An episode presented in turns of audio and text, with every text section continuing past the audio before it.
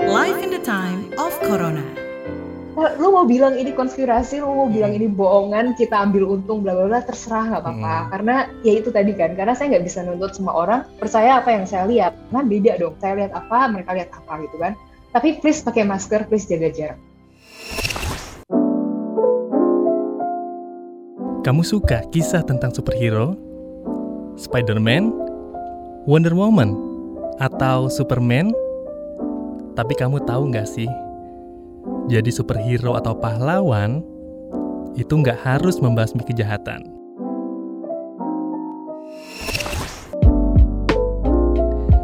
Halo, ketemu lagi kita di podcast Live in the Time of Corona di mana podcast ini akan menavigasi hidup kamu dengan tips-tips yang sederhana, dengan informasi-informasi yang menarik juga yang pastinya bisa nemenin kamu di masa pandemi ini. Saya Indra Saputra yang akan menemani Anda di episode kali ini yang bertema Nakesku Sayang, Nakesku Malang. Nah, di episode kali ini saya udah ditemani dengan salah satu bisa dibilang superhero ya in the real life yang sudah membantu masyarakat Indonesia yang butuh bantuannya, menyehatkan masyarakat Indonesia juga. Sudah terhubung lewat aplikasi Zoom ada Dr. Debrina Dewi Lumanau. Halo Dok, salam sehat. Halo, sehat-sehat. Yes, Dokter Debrina ini adalah seorang dokter relawan yang terjun langsung di garda terdepan untuk penanganan COVID-19. Sekarang dokter ditempatkan di mana nih dok? Sekarang saya di Medistra.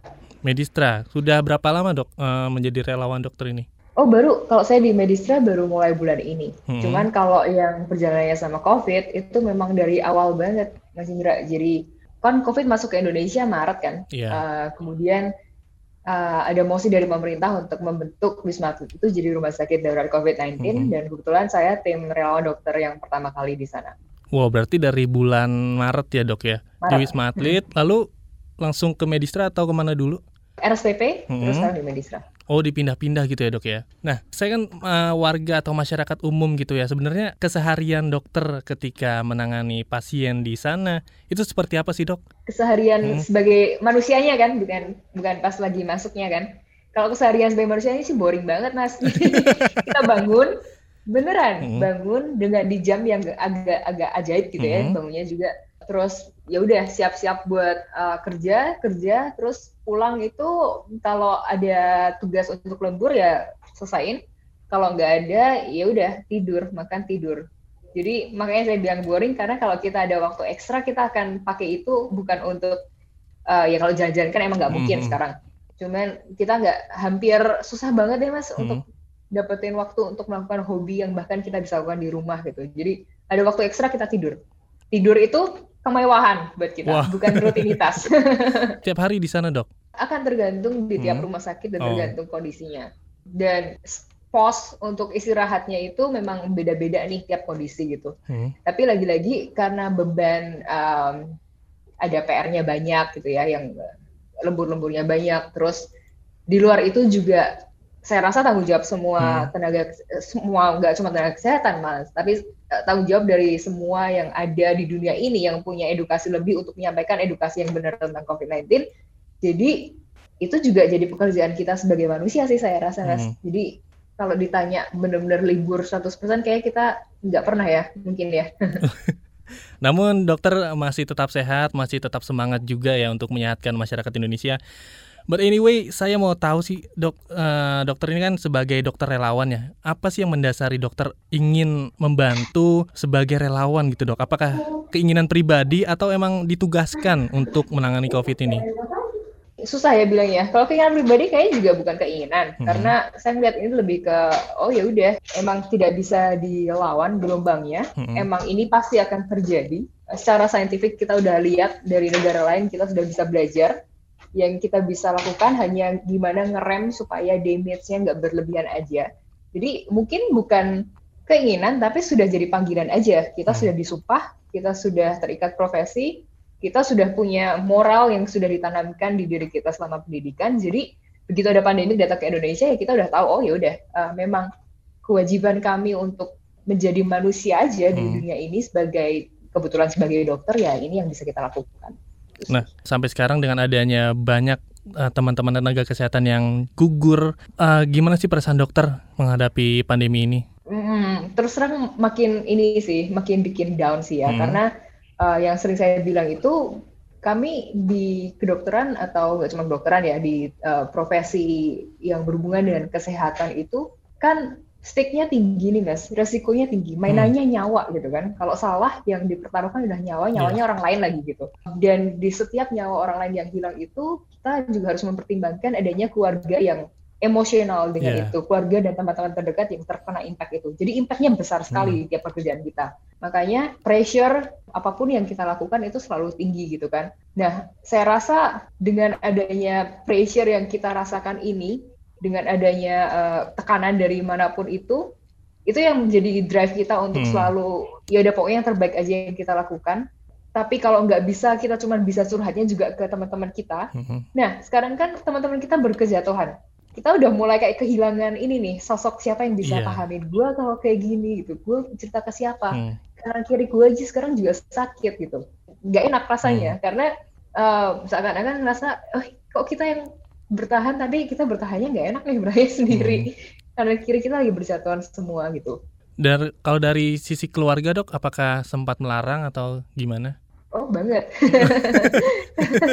Namun uh, uh, gimana cara dokter untuk meyakinkan keluarga dok? Terus terang saya nggak pernah berupaya untuk meyakinkan hmm. sampai gimana ya, hmm. karena Uh, saya cuma memberitahu kalau nggak ada pilihan lain, terutama di pandemik ini. Saya terus terang lebih memberikan effort untuk menjelaskan ke mereka, untuk menenangkan mereka kalau sebelum pandemik ini saya dapat tugas di uh, tempat-tempat bencana alam. Hmm. Karena kebetulan memang involved dalam kebencanaan alam. Tiap kali saya ke site bencana alam itu memang butuh effort untuk nggak apa-apa kok. Hmm. Gitu. Tapi kalau yang pandemik ini saya nggak terlalu ngomong sih.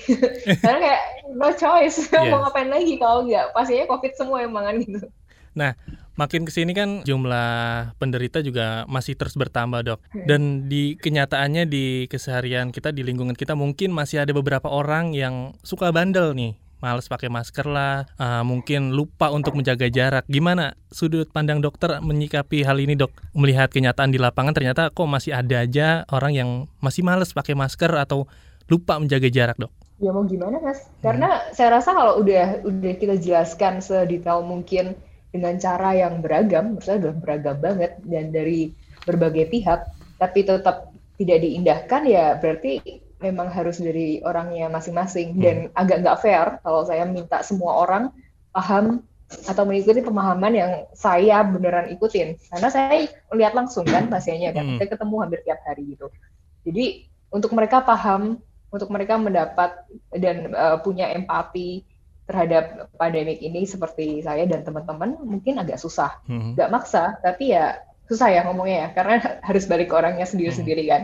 Tapi yang saya minta emang coba untuk dilihatlah kanan kiri lah, lihatlah yang kita sudah tujukan sebenarnya ke media gitu. Paling tidak bisa menjaga kesehatan untuk keluarga sendiri dan lingkungan terdekat ya dok ya. Hmm, hmm. Nah dok, uh, dokter ini kan hampir setiap hari, bahkan setiap hari mungkin ya, bertemu hmm. langsung dengan pasien-pasien yang menderita COVID gitu dok. Pernah nggak sih dok uh, selama bertugas ngalamin beberapa gejala yang, aduh kayaknya aku kena nih? Hmm, terus terang nggak per, uh, pernah, hmm. dan terus terang itu yang bikin kita sendiri lebih was-was. Karena kan seperti yang kita tahu sebenarnya OTG itu hampir 50% atau mungkin hmm. lebih di beberapa daerah. Jadi itu nggak pernah jadi patokan saya sih terus terang mas untuk ada gejala atau nggak ada gejala karena apalagi kalau lihat penelitian yang ada hmm. secara demografis saya mungkin kemungkinan besar akan jatuh ke kelompok pasien yang nggak akan ada gejala tapi positif lagi-lagi gejala apa enggak itu sebenarnya nggak bisa jadi patokan nah untuk masyarakat yang awam nih dok kayak saya misalnya aduh kok badan tiba-tiba anget, tiba-tiba muncul beberapa gejala yang kelihatannya seperti COVID. Saya harus apa nih dok ketika udah merasa ada beberapa gejala ini? Periksa. Langsung periksa karena, ya? Karena, uh, karena ini kalau buat edukasi nih kan. Hmm. Jadi dalam kasus seperti ini mendingan parno daripada kita miss. Karena kalau miss kan kitanya nggak apa-apa, hmm. tapi kalau kita ngelain ke orang lain, yeah. we might kill someone gitu kan. Kita mungkin ngebunuh orang lain hanya dengan kita merasa kita nggak apa-apa gitu. Walaupun memang benar nggak apa-apa, hmm. tapi orang lain yang punya penyakit penyerta, yang hmm. punya uh, macam-macam komplikasi itu mungkin apa-apa dan mungkin meninggal. Ini bukan saatnya kita menunjukkan kesombongan kita, kita masih muda dan lain-lain. Ini hmm. saatnya kita nunjukin kalau kita peduli. Yes. Nah, kalau tadi aku sempat lihat Instagramnya dokter nih dok, kan karena sering melakukan swab test, katanya dokter punya alat sendiri dok, punya alatnya untuk ngetes tes swab ini. Oh bukan, bu, bukan al, uh, bukan alatnya. Uh, hmm. Orang saya punya favorit orang favorit yang oh. nge-swab. Jadi iya mas, aku udah bagi nih ada tiga tipe orang hmm. yang nge-swab. Satu dia yang mungkin baru pertama kali nge-swab kan, hmm. jadi masih ragu-ragu gitu ragu-ragu pelan-pelan, yeah. terus mundur lagi, gitu kan. itu yang paling menderita, yeah, menderita yeah, banget kayak yeah, gitu. Betul. Uh, yang kedua, yang dia dua kali, hmm. jadi sekali masuk terus eh kayak nggak kena nih lagi gitu. Yang ketiga ini yang yang favoritku hmm. itu selalu yang cepet, tegas dan udah sekali aja jadi langsung seret, nggak enak terus tapi udah. Nah yang yang the best. itu yang terbaik ya dok, emang harus seperti itu ya pada akhirnya ya. Iya, iya. Nah, dokter kan setiap hari berkaitan langsung, bertemu langsung dengan orang-orang yang menderita virus COVID-19 ini. Gimana cara dokter untuk menjaga kesehatan diri supaya nggak tertular gitu dok?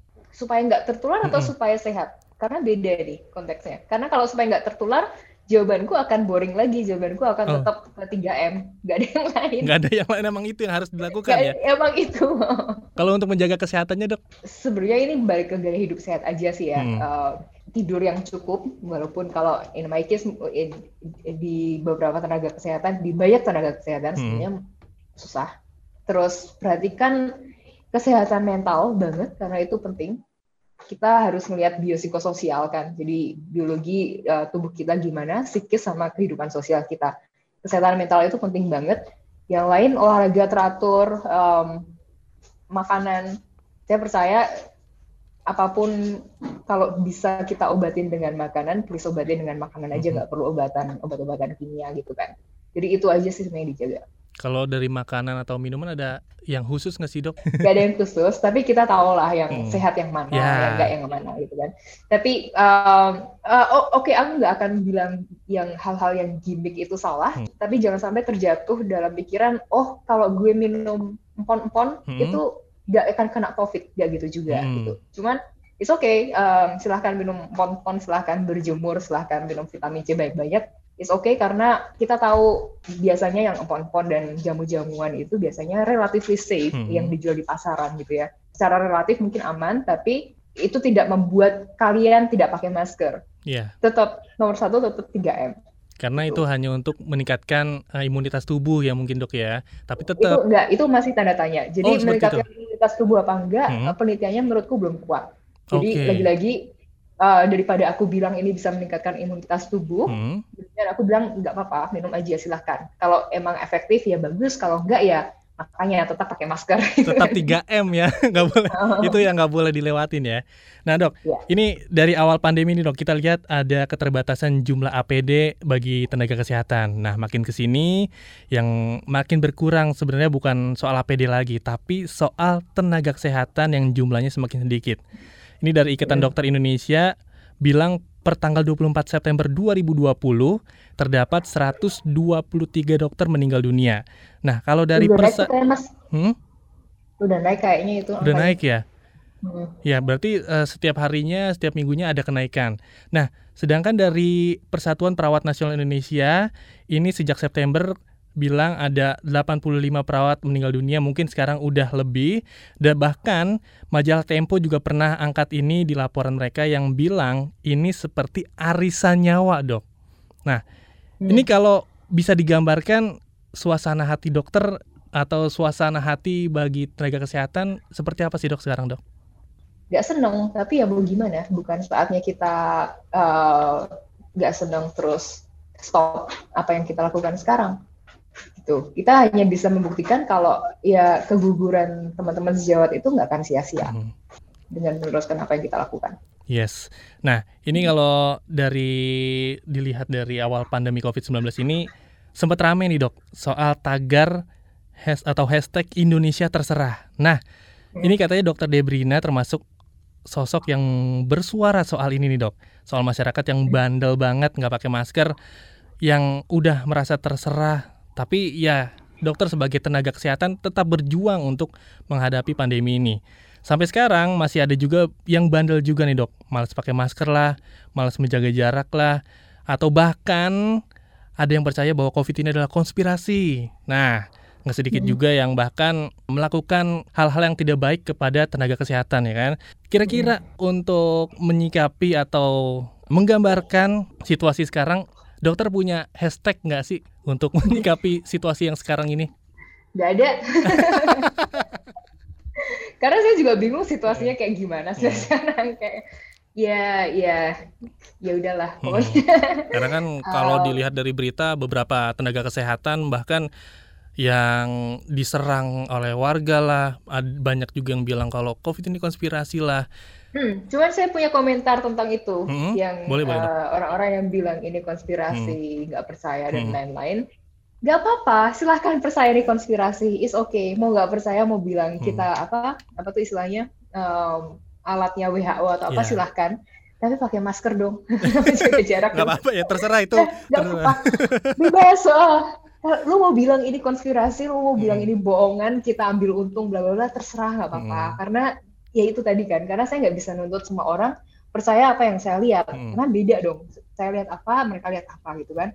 Tapi please pakai masker, please jaga jarak, udah sih. Karena pakai masker, jaga jarak, rajin cuci tangan, bukan cuma menghindarkan kita dari COVID ya dok ya, tapi dari segala macam penyakit sebenarnya ya. Iya, iya bener.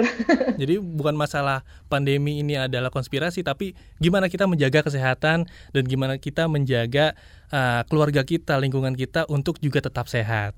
Nah dok, terakhir nih dok, uh, mungkin ada pesan dari dokter Debrina untuk sesama teman-teman tenaga kesehatan yang masih berjuang menyelamatkan Hmm. pasien COVID untuk masyarakat Indonesia dok, monggo.